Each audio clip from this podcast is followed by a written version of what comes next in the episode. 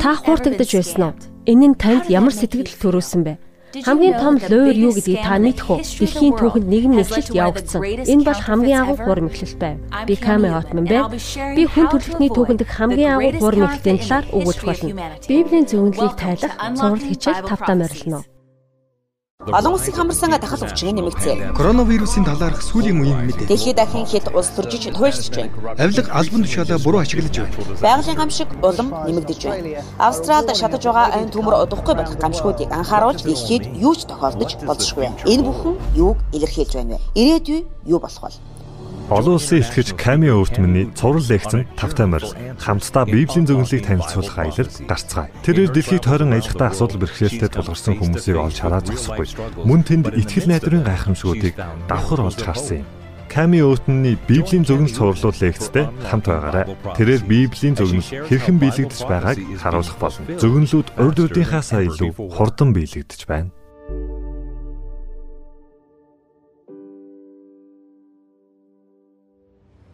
Библийн зөвлөлийг тайлах хичээлээр надтай нэгдсэн баярлалаа. Би өөр тохиолдсон маш олон боломжуудаасаа та бүхэндээ хуваалцах болно. Хэрв та энэ хичээлийг анх удаага үзэж байгаа бол чатаар дамжуулан сэтгэлээ үлдээгээрэй. Таныг энэ хичээлийг үзэж байгаад баяртай байна. Хэрв та өчигдрийн хичээлийг үзэж чадаагүй бол Библийн амралтын өдрийн тухай сэдвийг Библийн зөвнөлийн нууцуд пэйж хуудас руу орж нөхөж үзээрэй. Та хичээлүүдийг архиваас үзэж болно. Өчигдөр бид амралтын өдрийн тухай Библи юу гэж өгүүлдэг талаар судалсан. Энэ бол Бурхны жинхэнэ тамга юм. Та хүмүүс яагаад Бурхны зааснаас өөр өдөр Бурхныг шүтдэг юм бол гэж бодсон байх. Шалтгааныг нь сонсоод зочирдож магадгүй. Сайхан би бүү уламжлал дагдаг тосгоны ахлагчтай уулзсан. Аслагдсан арал дээр амьдардаг түнтэй уулзаад би гайхсан. Тэр амралтын өдрийн талаар юу гэж өгүүлснийг сонсоод гайхсан. Та энэ хичээлээр тэр хүнд юу тохиолдсныг сонсоорой. Доорх холбоос дээр дарж болно. Манай онлайн библийн сургууль эсэж болно. Сая сая хүмүүс энэ хичээлийг судалж байна. Энэ хичээл сүнслэг өсөлтөнд нь маш чухал нөлөө үзүүлж байна. Та асуултаа илгээж болно. Онлайн Библийн багш нар та нарт хариулт өгөх болно. Таны асуултыг сонсож танд хариу өгөх болно. Та ямар нэгэн зүйлийн төлөө залбирмаар байна уу? Та асуудалтай байна уу? Тэгвэл доор дарж залбирлын хүсэлтэд илгээнэ үү? Одоо хамт залбирч хичээлээ судлаа. Тэнгэрлэг эцэг эзэн минь Бидний амьдарч байгаа цаг үеийн тухай ойлгуулж өгсөн танд баярлалаа. Таны үннийг таньж мэдхийн тулд бидний зүрх сэтгэлийг нээж өгөөч. Таны өгөндөг сэрэмжлүүлгийг сонсож юу хийх ёстойгоо ойлгоход минь туслаарай. Бид яах ёстойг минь зааж өгөөрэй. Би зөвхөн таны замыг л дагахыг хүсэж байна. Бид танд хайртай. Таны ариун хүчрхэг нэрээр залбирлаа. Амен. Бүх зүйлс үргэлж харагдаж байгаараа байдаггүй гэдгийг та анзаарсан уу? Тэгвэл Аалзны түүхийг авч үзье. Аристотл Аалзыг шавж гэж тодорхойлсон. Шавжнууд 6 хөлтэй байдаг. 1700 жилийн турш хинч Аристотлийн үзлийг нэцаагаагүй. Хүмүүс Аалзнуудыг шавж гэж үзэж байлаа. Аалз 6 хөлтэй байв. Ивчан Батист Ламарк гэдэг хүн Аалзны ангилал гэж тусдаа ангилал танилцуулсан. Тэд үнэндээ 8 хөлтэй Аалзны төрөл юм. Нэгэн зүйл 100 жил итгэлээгээд тэр үнэн бочхон гэсэн үг биш. Тэгвэл энэ нь уламжлал болон хуурч болох урт удаан хугацаанд итгэж байсан санаануудын нэгэн адил Христийн сүмч гэсэн уламжлал батгдсан удаа байдгүй. Олон хүн хурамч сургаалыг хүлээн зөвшөөрсөн. Цөөхөн хүн үннийг илэрхийлж эхэлсэн. Христийн сүм хүний уламжлалт үзлийг Бурхны сургаалаас өндөр тавьсан? Сүмүүд яаж эхэлсэн мэдэгдэхгүй уламжлалтай болсон. Энэ уламжлалыг бараг бүх Христэд сэтгэгчд хүлээн зөвшөөрч Бурхны хуулийг дагаж байна гэж бодох боловч үнэн хэрэгтээ тэд хүний бодлыг дагдаг. Тийм учраас бид хичээлийн ураагаа хэрв Библиэд бичигдсэн бол итэг. Хэрв Библиэд нийцэхгүй бол бүү итэг гэж сонгосон юм. Илчилт номны зөвнөл Сатан Христийн сүмийг төөрөлдүүлэхийг хичээн гэж бичсэн байдаг. Илчлэл 12:9-дэр агуу луу доош шидэгдсэн. Тэр бол эртний могоо.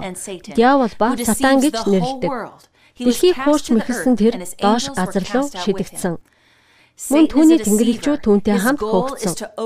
Сатан бол хурам эхлэгч юм. Тэр бурхны хааны сэнтийг нураах зорилготой. Аливаа засаглалын үндсөөр нь бүрэн эрхээс нь хамааралтай байдаг мөн хууль тогтоох чадвартай холбоотой байдаг. Хэрэг таны удирддаг хүмүүс хуулийг танд дагахаас татгалзвал тэд танд хариалагдахаас татгалзаж байна гэсэн үг. Сатан бурхны хуулийг эсэргүүцсэн. Тиймээс хурам эхлэлтийн хаан Сатан бүтээгч рүү давтлахын тулд бүтээгч гэдгийг нотлон харуулах амралтын өдрийн хуулийг эсэргүүцдэг. Шудраг сэтгэлтэй Христ итгэгчид Бурхны хуруугаар бичигдсэн 10 хуулийг уншаад дөрөв дахь хуулийг олж хардаг. Египтээс гарсан 20-ын 8-аас 10 дээр Амралтын өдрийг ариунаар сахихын тулд 6 өдөр хөдөлмөрлөж бүх ажлаа хий. Гэвч 7 дахь өдөр таны бурхан эзний амралтын өдөр. Тэд үүнийг уншаад төөрөлдсөн. Учир нь ням гариг гэдэг бол 7 дахь өдрийн амралтын өдөр биш. Ариун өдрийг санаатай өөрчилсөн. Энэ тухай шинэ гэрээнд бичсэн байдаг юм. Хачирхалтай эхний өдөр буюу ням гариг руу амралтын өдрийг шилжүүлсэн тухай илчилт номны хаанч дуртаагүй байдаг. Ням гариг шинэ гэрээн дээр 8 удаа гарч ирдэг. Хэрэг хүмүүс нэм гаргийг ариун өдөр болгосон гэж үзэж байгаа бол Библиэрээс баталгаануудыг нь олох хэрэгтэй. Энэ бол 7 хоногийн эхний өдөр. Энэ талаар хамтдаа суралцъя. Сая сайчин сэтгэлтэй Христэд итгэгчид нэм гарагт мөргөл үлддэг. Библи яагаад энэ сэдвээр юу ч өгүүлээгүй байна? Энд зөвхөн өнөөдрийг өөрчлөхөөс илүү зүйл хамаарагдаж байна уу? Бодит байдал дээр юу тохиолдож байна вэ? Тийм ээ энэ бол хамгийн агуу зөвнлийн нэг юм. Ичлэлт ном энэ сэдвтэй холбоотой үннийг танилцуулдаг. Энэ бол нэм гаригийн мөргөлтэй холбоотой асуудал. Бид маш нарийн ойлголттой болохгүй бол энэхүү зөвнлийг ойлгоход хэцүү байх болно.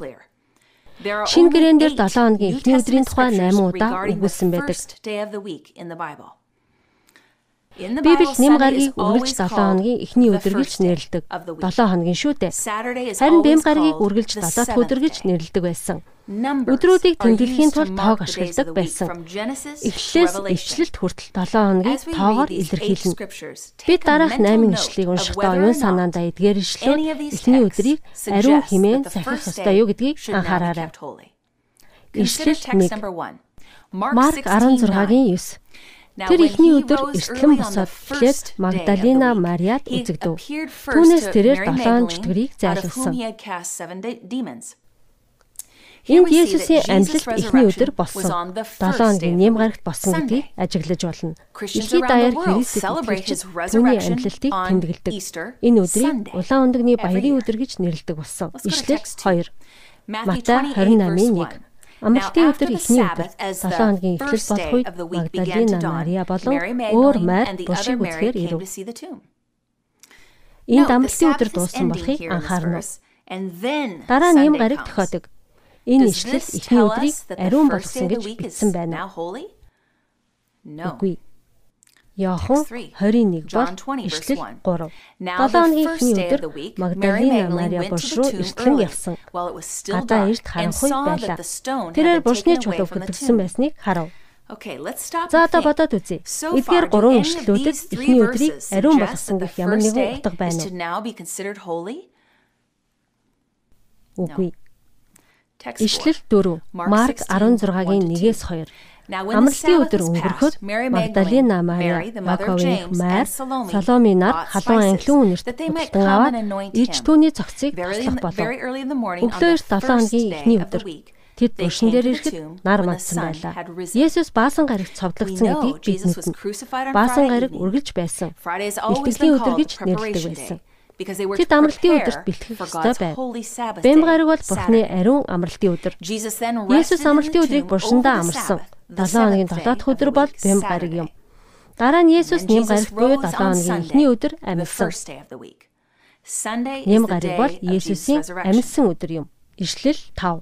Лук 24-ийн 1. 7 хоногийн эхний өдөр өглөө эрт тэд болон бусад эмэгтэйчүүд хамт буршин дээр ирэв. Эдгээр ишлүүдэд нэм гаргийг Бурхны ариун амралтын өдөр болгосон амарч утга алга. Ишлэл 6. Йохан 20:19 Дараа нь тэр өдөр 7 хоногийн эхний өдөр болж байсан тул хаалганууд хаалттай байсан. Шавнаар нь нэг газар юдэчүүдээс айж цугларсан байсан. Есүс хүмүүсийн дунд зогсоод та бүхэнд амар амгалан байх болтугай. Зарим хүмүүс тэднийг 7 хоногийн эхний өдрийг буюу нэм гаргийг ариун өдөр болохоор цугласан гэдэг. Гэвч шавнарт нь тийм эрх мэдэл байхгүй байсан шүү дээ. Тэд Есүсийг дахин мөртөл түүний амьдлыг хүндэтгэхээр нэм гарыг тогтоох чадваргүй байсан. Учир нь Есүс гарч ирт. Тэд Есүсийг дахин амьсан гэдэгт итгэж чадахгүй байсан. Үүний нотлогоо нь Марк 16-гийн 14 дээр байдаг. Дараа нь тэр гарч ирэв. Есүс тэдний итгэлгүй байдал хатуу зүрх сэтгэлийг буруутгасан. Учир нь тэд Есүсийг дахин амьсныг харсан хүмүүст итгэхгүй байсан юм. Дээрх 6 ишлүүд нэм гаргийг ариун өдөр болгосон гэж юу ч хэлсэнгүй. Бурхны ариун амралтын өдрийг өөрчлөх тухай эхний өдөр болох нэм гаргийг амралтын өдөр болгосон тухай юу ч өгүүлээгүй. Цаашаа хоёр ишлэлийг авч үзье. 7 хоногийн эхний өдрийн талаар ишлэл 7. 1-р Коринт 16-гийн 1-2 дээр итгэгчдэд зориулан хандив цуглуулахдаа миний өгсөн зааврын дагуу Галатийн сүмүүдээс хандив цуглуулаарай. Ингэхдээ 7 хоногийн эхний өдөр хандиваа нэгтгэж эвээгдэхийн тулд нөөцлөөрөө Ингэснээр намааг ирэхэд хандив цуглуулах шаардлагагүй болно. Паул хандив цуглуулах талаар заавар өгсөн. 7 хоногийн эхний өдөр болгов. Ингэснээр амралтын өдрийн үргэлж зориулсан мөнгө бэлэн байх ёстой байв.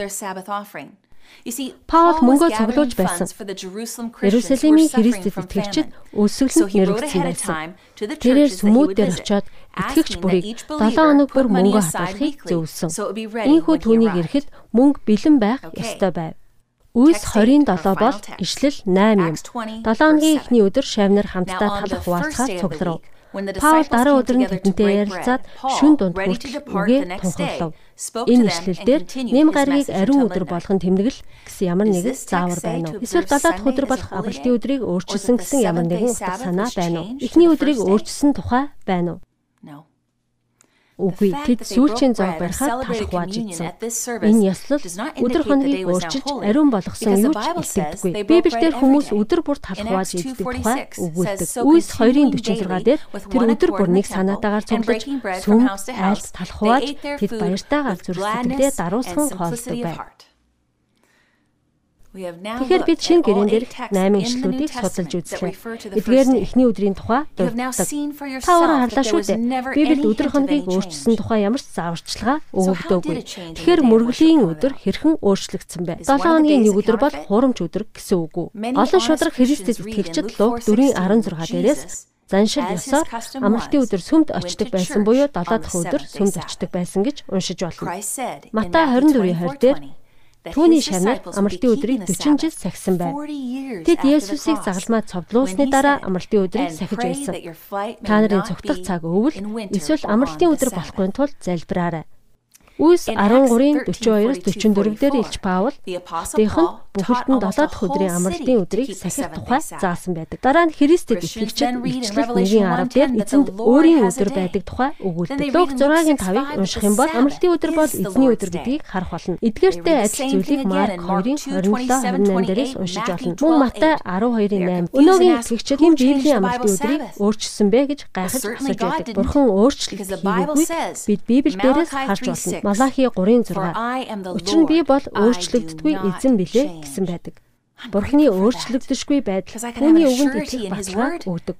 Түүний үг өчигдөр өнөөдөр маргааш өөрчлөгдөшгүй байгааг би талархдаг. Энэ бол Бурхны гайхамшигтай тал. Хүмүүс Библийг судлах үедээ Есүсийг амралтын өдрийг өөрчлөөгүй олж хардаг. Учир нь Библиэлд Еврей 13:8 амралтууд өгсөн байдаг. Есүс Христ өчигдөр өнөөдөр мөн үүрд адилхан байдаг. Бурхан амралтын өдрийг өөрчлөөгүй. Есүс амралтын өдрийг өөрчлөөгүй. Шавнаар нь амралтын өдрийг өөрчлөөгүй. Өөрчлөх эрхгүй. Үйс 5 29-дэр Петр болон элчүүд бид хүмүүс биш бурханд дуулууртай байх ёстой гэж хэлсэн. Тэгэхээр хэн өөрчлөлт хийсэн бэ гэдэг асуулт гарч ирнэ. Илчлэлт номын 13 дугаар бүлэгт Аратны тухай өгүүлдэг. Тэр талаагаас гарч ирдэг. Энэ бүлэгдэр Аратны тэмдгийн тухай буюу 666-гийн тухай гардаг. Гэхдээ Аратны хэрхэн дүрсэлж байгааг анзаараарай. Та бүхэн Библиэд араатнаар хаан тус ба хүч чадлыг бэлэгддэг гэдгийг ойлгоорой. Тэгэхээр энэ бол мангас далаагаас гарч ирнэ гэсэн үг биш. Ойлгомжтой юу? Есүс бидэнд хайртай бөгөөд илчлэлт ном бол түүний хайрын захиа юм. Би захиаг нь анхааралтай унших хэрэгтэй. Илчлэлт 13:1 Би далайн эсдэр зогсож байв. Гэнэт нэгэн хараатан далаагаас гарч ирсэн. Түүний толгой дээр 10 ивэр байв. Мөн ивэр дээр нь 10 титэн байв. Толгой дээр нь Бурхныг доромжсон нэрс байна. Энэ бол төгс жишээ юм. Библиэд бичигдсэн араат нь улс төр, шашин, хаант улсын хүчийг бэлэгддэг. Энэ хүч Бурхныг доромжсон хүч юм. Энэ хүч Бурхны эрх мэдлийг авах гэж санаардаг. Цааш үргэлжлүүлэн гítэл эрүүл шиг нэгэн араатан гарч ирэв. Түүний хөл баавгах шиг байсан. Мөн түүний ам арсангийн ам шиг бөгөөд луу түүнд хүч чадлаа өгсөн. Түүний сэнти агуу эрх мэдлийг хамгаална. Тэгэхээр луу гэж хэмбэ? Энэ бол сатан. Сатан лууны хүчийг маш их эрх мэдэлтэйгээр хэрэгжүүлнэ. Түүний үгийг дэлхийн нийтээр сонсох ба тэр дэлхийг эзэмшлээ гэж тунхаглана. Тэр бурхны эрх мэдлийг булаацалдаж хуулийг нь эсэргүүцнэ. Түүний дайралт амралтын өдрийн хууль руу хандсан байдаг. Араатын хэн болохыг ойлгохын тулд бид Библийг судлах хэрэгтэй. Даниэл номын 7 дугаар бүлэгт энд илчлэлт 13 дээрхтэй адил дүрслэл байгааг харж болно. Арслан, Баавга, Эрвис, Луу гарч ирдэг. Даниэл 7 дугаар бүлэгт илчлэлт 13-ыг тайлах төхөөр бий. Энэ бол бүх үйл явдлыг ойлгоход дөхөн болно. Араатны тэмдэг ба 666 гэсэн тоог бид ойлгох хэрэгтэй. Бурхан үгээ бидэнд бичиж өгсөнд би талархдаг. Түүний үг эхнээсээ дуустал өөрчлөгддөггүй. Библи бүхэлдээ холбогдож ойлгогддог. Даниэл 7-гийн 2-3-ыг уншицгаая. Даниэл би шүн үзэгдэл үзэж Тэнгэрийн дөрвөн салхи их тэнгисийг оволцуулж байгааг харлаа. Дөрвөн агуу араатан тэнгисээс гарч ирнэ. Бүгд бие биенээсээ ялгаатай байв. Библийг тайлбарлах түлхүүрийг анхаарна. Даниэл 7-гийн 17 дээр дөрвөн агуу араатнууд бол дэлхийгээс гарч ирэх дөрвөн хаад юм. Даниэл 7-гийн 23 дээр дөрөвт хараат нь дэлхий дээр дөрвөн хаан тус байх юм. Даниэл дөрвөн хараат нь дөрвөн хаан тусыг төлөөлж байгааг ажиглан харсан. Эдгээр нь дэлхийн удирдагч дөрвөн хаан тус юм. Эдгээр хаан тусууд Даниэлийн үеэс эхлээд түүхийн цаг үед дараалан гарч ирсэн.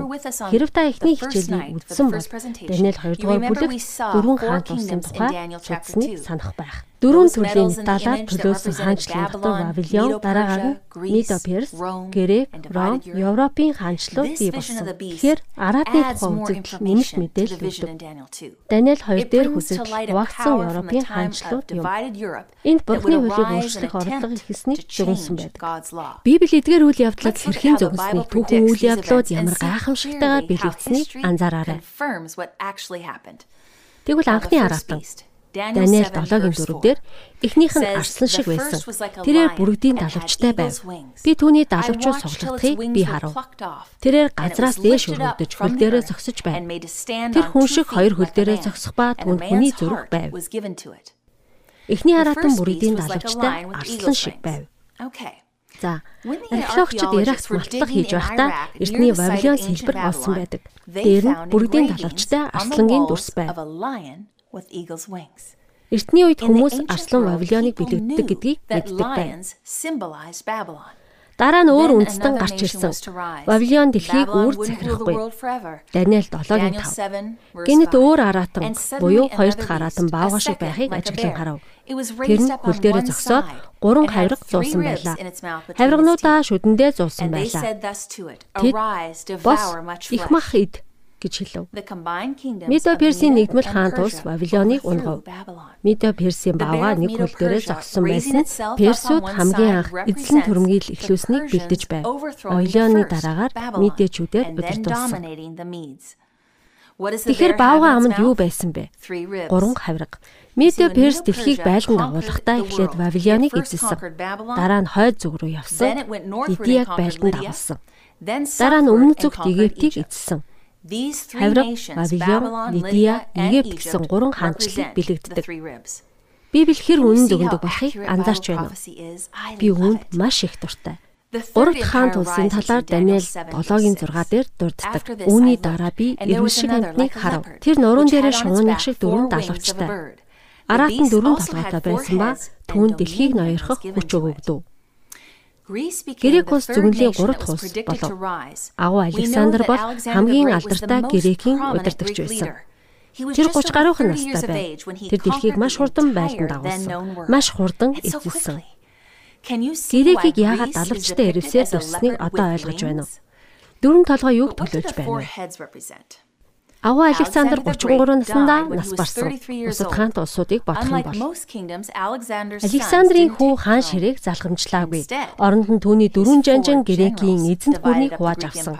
Тус бүр нь хаант улсаа салгаж захирах болов. Ийхүү Эревсийг дөрвөн талхайтаагаар зөгнсөн байв. Энэ бүхэн танд болон надад маш чухал юм. Эдгээр хаант улсуудын өсөл дуналт бидэнд ирээдүйн чухал зөвнөлийг танилцуулдаг. Библиэлд удахгүй болох зүйлсийг зөвнөх үед бид анхаарлаа хандуулах хэрэгтэй.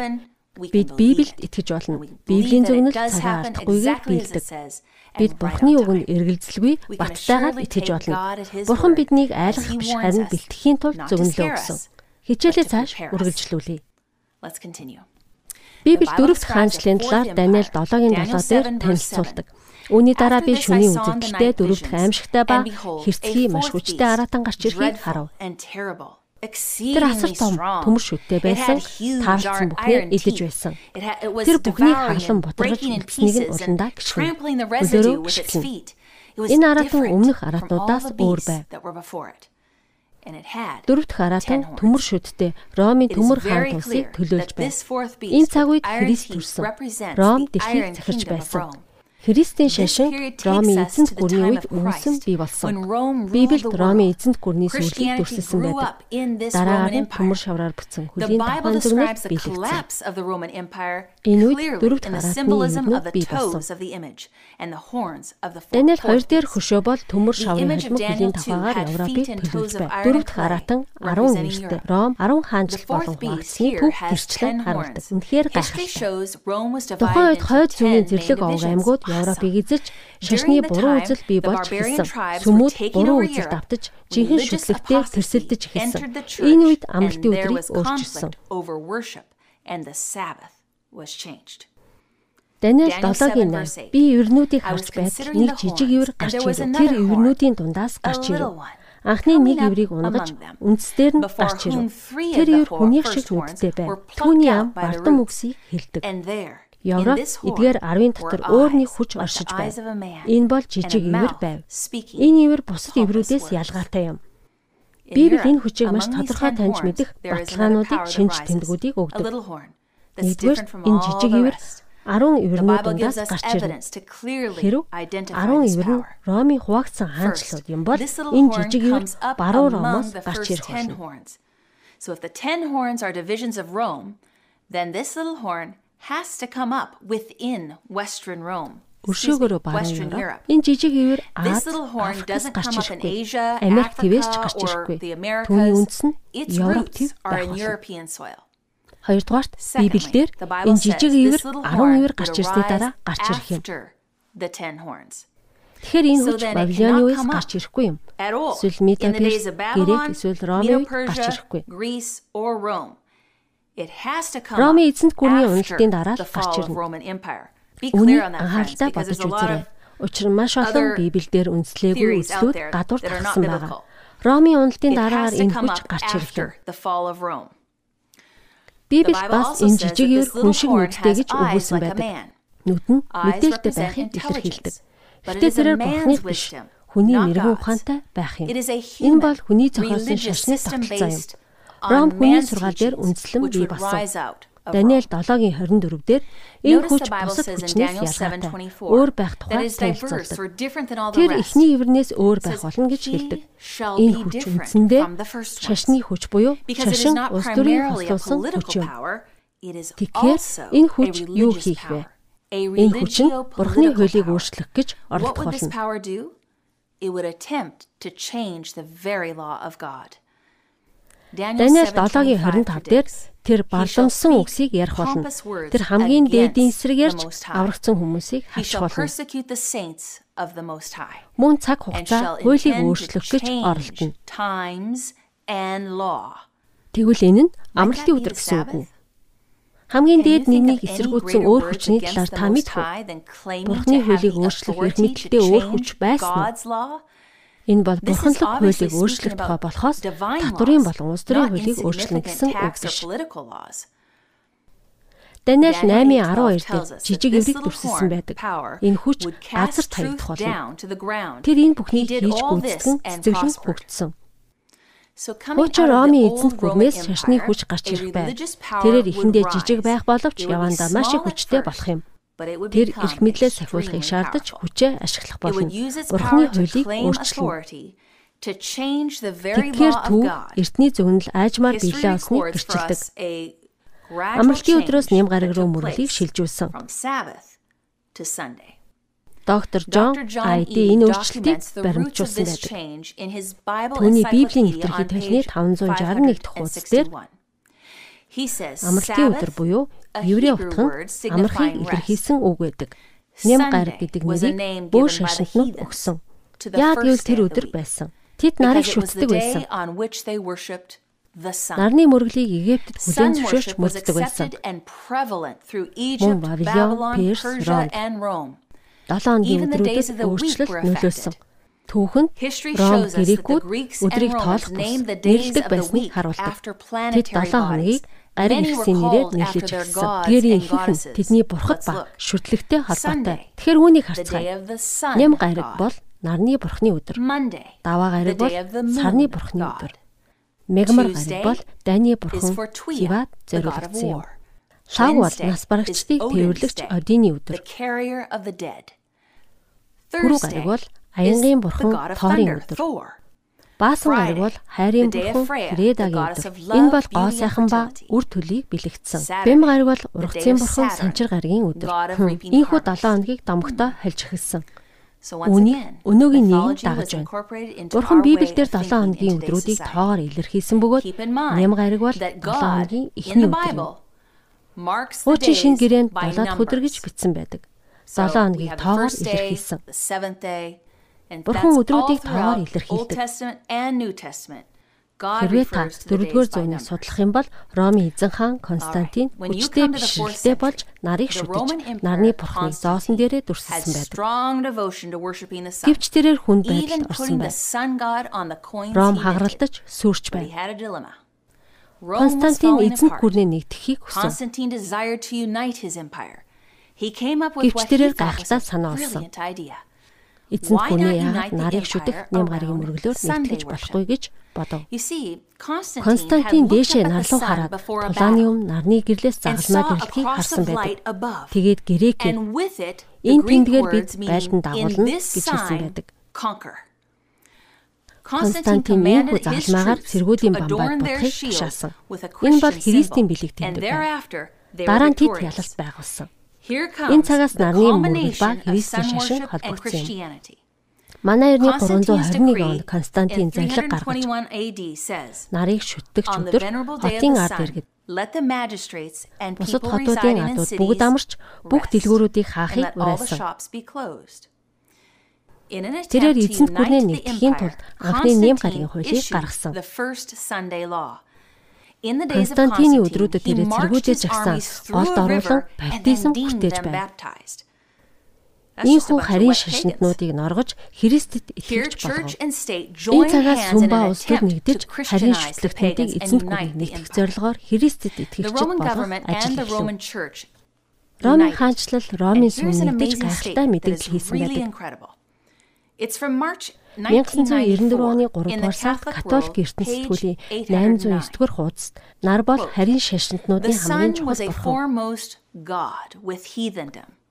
Үнэн дээр нар гэдэг бол хаан, нар хааны шинж тэмдгийг агуулдаг. Энэ бол шудраг байдлын нар бол Есүс тохирох бэлэгдэл. Тиймээс харийн шүтлэгтнүүдийн хувьд сүм тэдний хуучин шүтний нэрийг ашигласан гэж тооцогдно. Энэ нэрийг ариусгагдсан гэж тооцох хэрэгтэй. Харийн шашин нэм гарыг аль дээр химих нарны домгоор Христийн шашны нэм гарыг орлуулсан. Нэм гарыг Христийн сүм хэрхэн шүтдэг болсныг одоо ойлгосноо. Христэд итгэгчид хавчлагаас цогтхын тулд олон жилийн турш өөрсдийгөө юудэчүүдээс ялгаатай байхыг харин нэм гаргийн Христэд итгэгчид Есүсийн амьлалтын өдөр гэж тунхаглах үед ажмаар сүмийн өдөрлөгчд харин үгснүүдийг өөрийн шашинд хандуулахын тулд Библийн амралтын өдрийн оронд нэм гарагт мөрөглөө хийдэг болсон. Константин эзэнт гүрний нэгтгэхийг хүссэн. Ромын сүмийн удирдагчид харин үндэстнүүдийг инээндээ нэгтгэхийг хүссэн. Тиймээс нэм гариг энэ хоёр зорилгыг гүйцэлдүүлэх боломж болон хувирсан юм. Библийн амралтын өдрийг Ромын сүм хаан өөрчилсөн. Бурхан ийм өөрчлөлт хийгээгүй. Есүс өөрчлөлт хийгээгүй. Мөн дагалдагчид өөрчилсөнгүй. Дээрээс нь 20 сая гаруй еврейчүүд нэг өдөр сэрээд 7 хоногийн аль нэг өдөр нь эхний өдөр болохыг мартаагүй. Ч тэд амралтын өдрийг үргэлж сагсаар ирсэн. Тэд Египтийн болчлоос гарахаас өмнө Бэм гарагийн 7 дахь өдрийг сагсаар ирсэн. Лаодикийн католик сүмийн зөвлөл Библийн амралтын өдрийг хөнгөлөх анхны шийдвэрийг гаргасан байдаг. Ромын католик удирдагчид тэнд цугларсан байна. Үүний үр дүн юу болсныг хараарай. Манай эртний 325 оны Лаодикийн зөвлөлийн шийдвэр гарсан. Христэд итгэгчид Юудын нар шиг байж болохгүй. Өөрөөр хэлбэл тэд амралтын өдрийг сахих ёсгүй. And as being Christians shall, if possible, do not work on that day. If, however, they are found Judaizing, they shall be shut out from Christ. Тэр өдөр ямар ч ажил хийхгүй байвал сайн. Хэрэг та Юудэ нарыг дөөрөх юм бол Христэд итгэгч гэж тооцохгүй. Тэд энэхүү өвөрч тулсан. Сүмийн зөвлөл Ромын хаанчлал ба Константинтай нийцсэн. Тэд амралтын өдрийг өөрчилсөн гэдгийг тодорхой хэлсэн. Энэ нь эзэнт гүрнийг нэгтгэж юудэчүүдээс ялах болно гэж хэлсэн. Ингэхдээ тэд санамсаргүй Даниэлийн зөвнөлийг биелүүлж байна. Даниэл 7-гийн 25 дээр жижиг ярь цаг хугацаа хуйлуудыг өөрчлөхөөр санаархам гэсэн байдаг. Ромоос дэлхийн захирах хүч гарч Бурхны хуулийг өөрчлөх гэж оролдох. Бурхан анхааралтай бай гэж хэлдэг. Одоо сүмийн үзлийг судлаа. Ромын католик шашны үзэл амралтын өдрийн өөрчлөлтийн талаар дурдсан байдаг. Энд маш тодорхой хэлсэн байдаг. Амралтын өдөр аль өдөр тохиодог вэ? Хариулт нь Бэм бараг бол амралтын өдөр. Асуулт бид яагаад амралтын өдрийн оронд нямгарт мөрөгдөг вэ? Хариулт нь католик сүм энэ өдрийг өөрчилсөн. Бэм гарагийг нэм гараг болгон өөрчилсөн. Одоо энэ тул зогсъё. It is important for me personally to tell you that we will be addressing a lot of heavy topics. And I will be quoting different historical documents that are not intended to accuse individuals. Бид зөвхөн зөвнөл хэрхэн биеснийг тайлбарлаж байна. Олон католик сүмүүдэд зөв шударга санаартан итгэлтэй Христэд итгэгчд байдаг. Ромын католик сүм бурханд хамгийн сайнаараа үйлчлдэг хүмүүс бий. Бурхан тэдний чадварыг харж тэдний хүүхдүүдээ гэж үздэг. Иш татсан мэдээлэл зөвхөн Ромын католик шашны тогтолцоог өгүүлж байгаа юм. Энэ сүмийн үзлүүд бичээсийн дагуу байдаггүй. Үннийг эрэлхийлэгчид Бурхны үгийг нээгээд үннийг өөртөө эрэлхийлэх байх гэж найдаж байна. Алдааг нь олж харах хэрэгтэй. So you may decide for yourself what is truth and what is error. Okay. Католик сүм Бурхны 10 хуулийг өөрчилсөн гэдгийг та мэдэх үү? God's 10 commandments Тэдний гаргасан католик мэдрэхий толбичгийн 4-р байд 153 дугаар хуудас. It says, quote Сүм амралтын өдрийг өөрчилсөний дараа еврейчүүдийн амралтын өдрөөс 7 хоногийн 7 дахь өдөр болгож 7 хоногийг өөрчилж нямгаргийг их эзний өдөр болгосон. Тодорхой хэлсэн байгаа ажиглаарай. End quote. Католик мэдрэхий толбчлуулснаа тэд цаг хугацааг өөрчилсөн. Сүм үүнийг хүлээн зөвшөөрдөг. Жишээлбэл хэлэхэд энэ нь Бурхны 3 дахь хуультай холбоотой юм. Библиэд амралтын өдөр бол 4 дахь хуйланд байдаг. Мөн дундад зуунд Ромын хүчээр Бурхны хуулиудыг ч өөрчилсөн. Тэд хоёр дахь хуулийг байхгүй болгоод ямар нэгэн дүрс шүтгийг хориглосон. Гигантнууд хуулийг өөрчлөн шүтэнүүдийг шүтдэг болсон. Ийхүү тэд 9 хуультай болсон бөгөөд 10 хуультай болохын тулд чи шунаж болохгүй гэсэн 10 дугаар хуулийг хоёр хуваасан. Ингэж тэд асуудлыг шийдвэрлсэн. Энэ нь сүм бурхны үгнээс илүү их нэтэлтэй гэсэн үзлийг харуулчихсан. Карл Китин гэдэг католик шашны тэргуун судлаач протестантуудад хандан ном бичсэн байдаг. Энэ католик зохиолч протестантуудад Хэрэг та Библийн дагуу явахыг хүсвэл та Библийн амралтын өдрийг сахих ёстой гэж бичсэн байдаг. Түүний хэлсэн үгийг уншицгаая. Католикчууд ба фундаментализм номыг уншиж үзье. 38 дугаар хуудсанд фундаменталистууд нэм гарагт мөргөл үлдэхээр суглардаг. Гэвч Библиэд нэм гарагт мөргөл гэсэн ямар ч баримт байхгүй. Итгэгчид нэм гарагт хийх ёстой байсан цуглаанаа еврейчүүдийн амралтын өдөр буюу амралтын өдөр бэм гарагт хийх ёстой. Католик сүм Христэд итгэгчдийн мөрөлийн өдрийг өөрчилсөн. Нэм гарагийг мөрөлийн өдөр болгосон юм. Энэ өдөр Есүсийн амьлалтыг хүнддэг өдөр. Ишлэл ийхүү дуустдаг. Өөрөөр хэлбэл хэрв та Библийг дагахыг хүсэхгүй бол католик сүмийг дагах ёстой гэсэн үг. Сүм Бурханаас илүү их мэдлээ гэж хэлсэн. Тэд Бурханы хуулийг хүснээрээ өөрчилсөн. Бурхан тодорхой анхааруулга өгч түүний үгэнд болгоомжтой амхыг загсан. Илчлэлт 22-ийн 18-19 Учир нь би хүн болгонд гэрчилж байна. Эдгээр үгийг сонссон хэн боловч нэг зүйлийг нэмэх юм бол Бурхан түүн дээр номдоо бичсэн шийдэглээ нэмж өгөх болно. Энэ номонд анхааралтай хандах хэрэгтэй. Хэрвээ энэ номны үгс болон зөвнөл дээр нэмэх юм бол Бурхан түүнийг амийн ном, ариун хотоос зайлуулна. Энэ бол ноцтой зүйл. Матай 15-ын 3-аас 9 дээр Есүс Та нар яагаад Бурхны тушаалыг зөрчдөг вэ? Та нар уламжлаасаа болоод зөрчдөг үү? Инснэр Бурхны тушаал уламжлаас ч болоод нөлөө үзүүлэхээ болсон. Хоёр нүртнүүдээ. Исая та бүхний талаар иш үзүүлсэн. Эдгээр хүмүүс над руу амаараа ойртдог. Намайг уруулаараа л хүнддэг.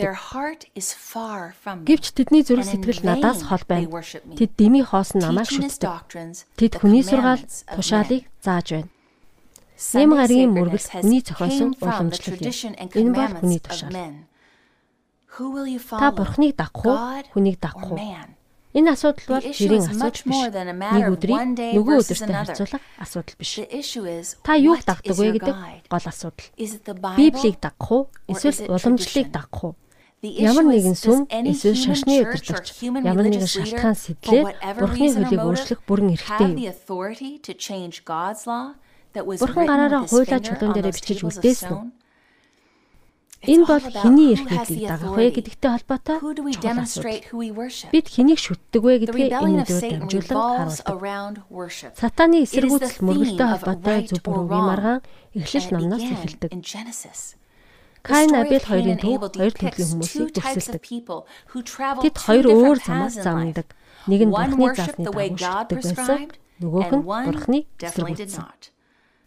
Тэдний аль нь бурхнаар ажиллагдаж аврагдсан бэ? Бурхныг эсэргүүцсэн хүн бардамж хүн алж бурхнаар харагдсан уу? Каин Абель хоёр эцэг эхийн дор өссөн боловч бурханд өөр өөрөөр хандсан. Түүний эрх мэдэл ялгаатай хандсан. Тэдний зам зөрж байна. Абель бурхны арга замаас өршөөл уучлалыг олж харсан. Бурхан хүн төрлөختнийг аврахыг хүсэж байгааг харсан. Харин Каин зүрх сэтгэлдээ бурхны тэрсэн. Тэд ялгаагүй мэд харагдаж байсан. Гэвч бурханд хэрхэн мөргөх The drama between Cain and Abel is really about the struggle between Cain and himself. Каин ба түүний хооронд тэмцэл үүссэн.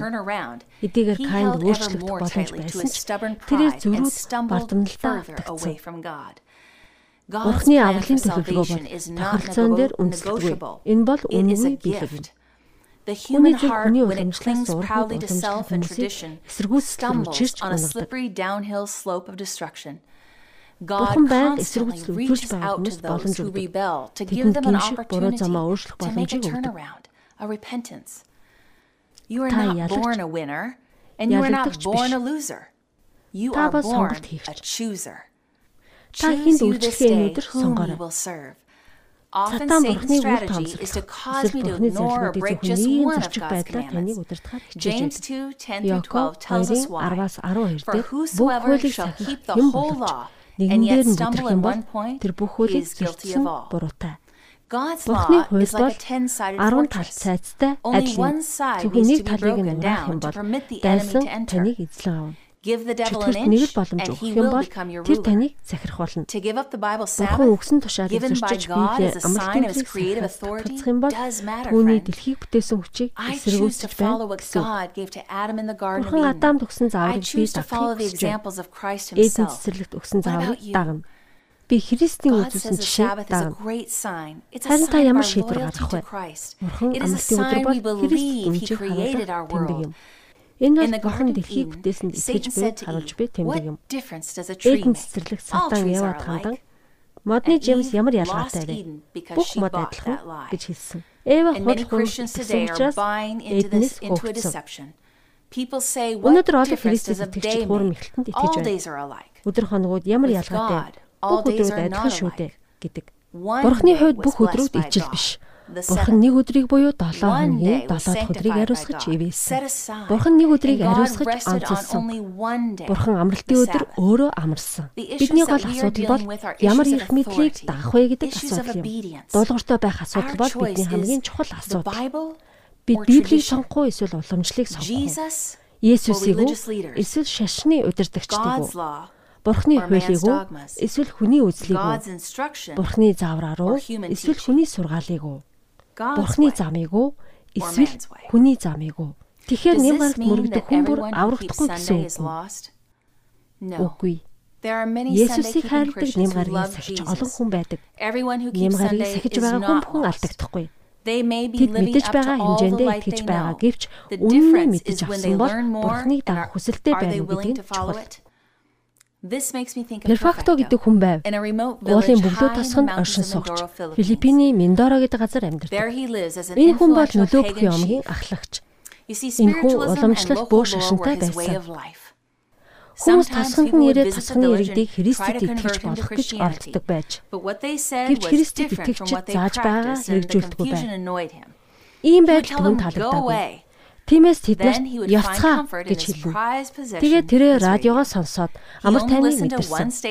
Тэр нэг л сувыг сонсон. Тэр сувган дуртай дуунуудыг нь тоглоно. Тэрээр дуртай дуугаа сонс дуусах үед нэгэн сонирхолтой нэвтрүүлэг эхэлж байгааг анзаарав. Нэвтрүүлгээр 7 дахь өдрийн амралтын өдрийн тухай ярьж өгөв. Энэ бол жинхэнэ амралтын өдөр байв. Энэ мэдээ түүнд их сонир шин байв. Бусад Христэд итгэгчид энэ тухай ярьдаггүй. Тэрээр баяртайгаар ийм гархийн итгэгч нартай уулзахаар юм. Тэд нар 3 өдөр мөргөл мөрдөж байна гэж хэлв.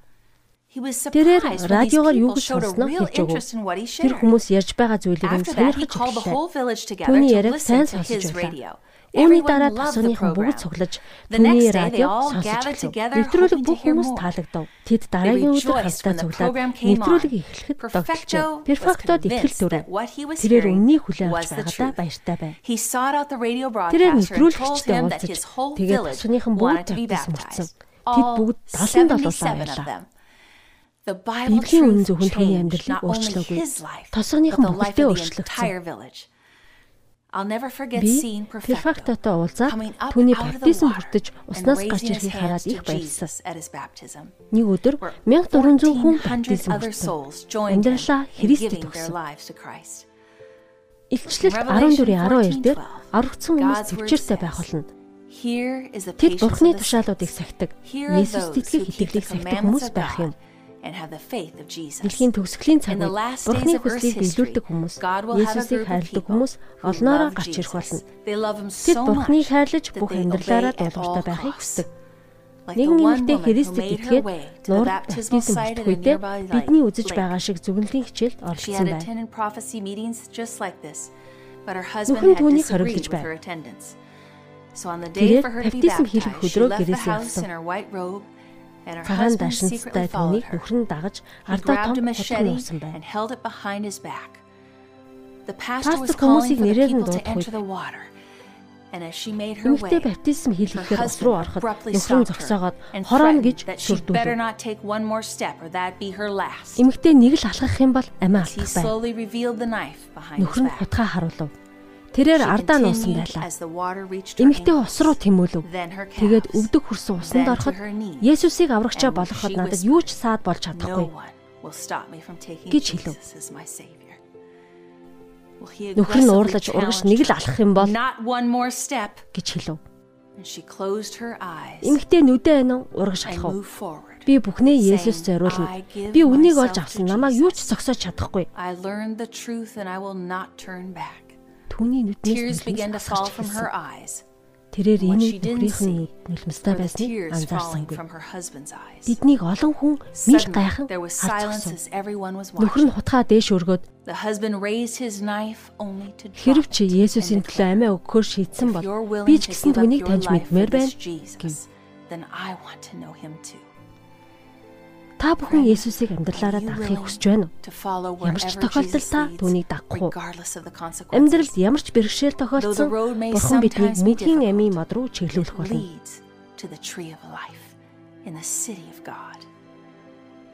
Хамтдаа залбирцгаая. Тэнгэрийн эцэг минь биднийг үнэн рүү дуудсанд баярлалаа. Бид өршөөл нэгүсэл хүч чадлын төлөө залбирч байна. Бидэнд ойлголт, ухаарлыг өгөөрэй.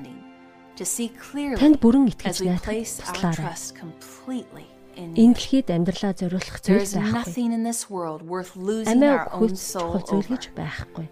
Библийн үнийг дагах шийдвэр гаргахад ариун үгээ бидэнд нээж өгөөч. Өнөөдрийн хичээлийг сонссон хүмүүсийг ивэж өгөөч. Есүсийн хүчрхэг ариун нэрээр залбирлаа. Амен. Өнөөдрийн хичээлийг дуусгаад би та бүхний шийдвэр гаргаасай гэж хүсэж байна.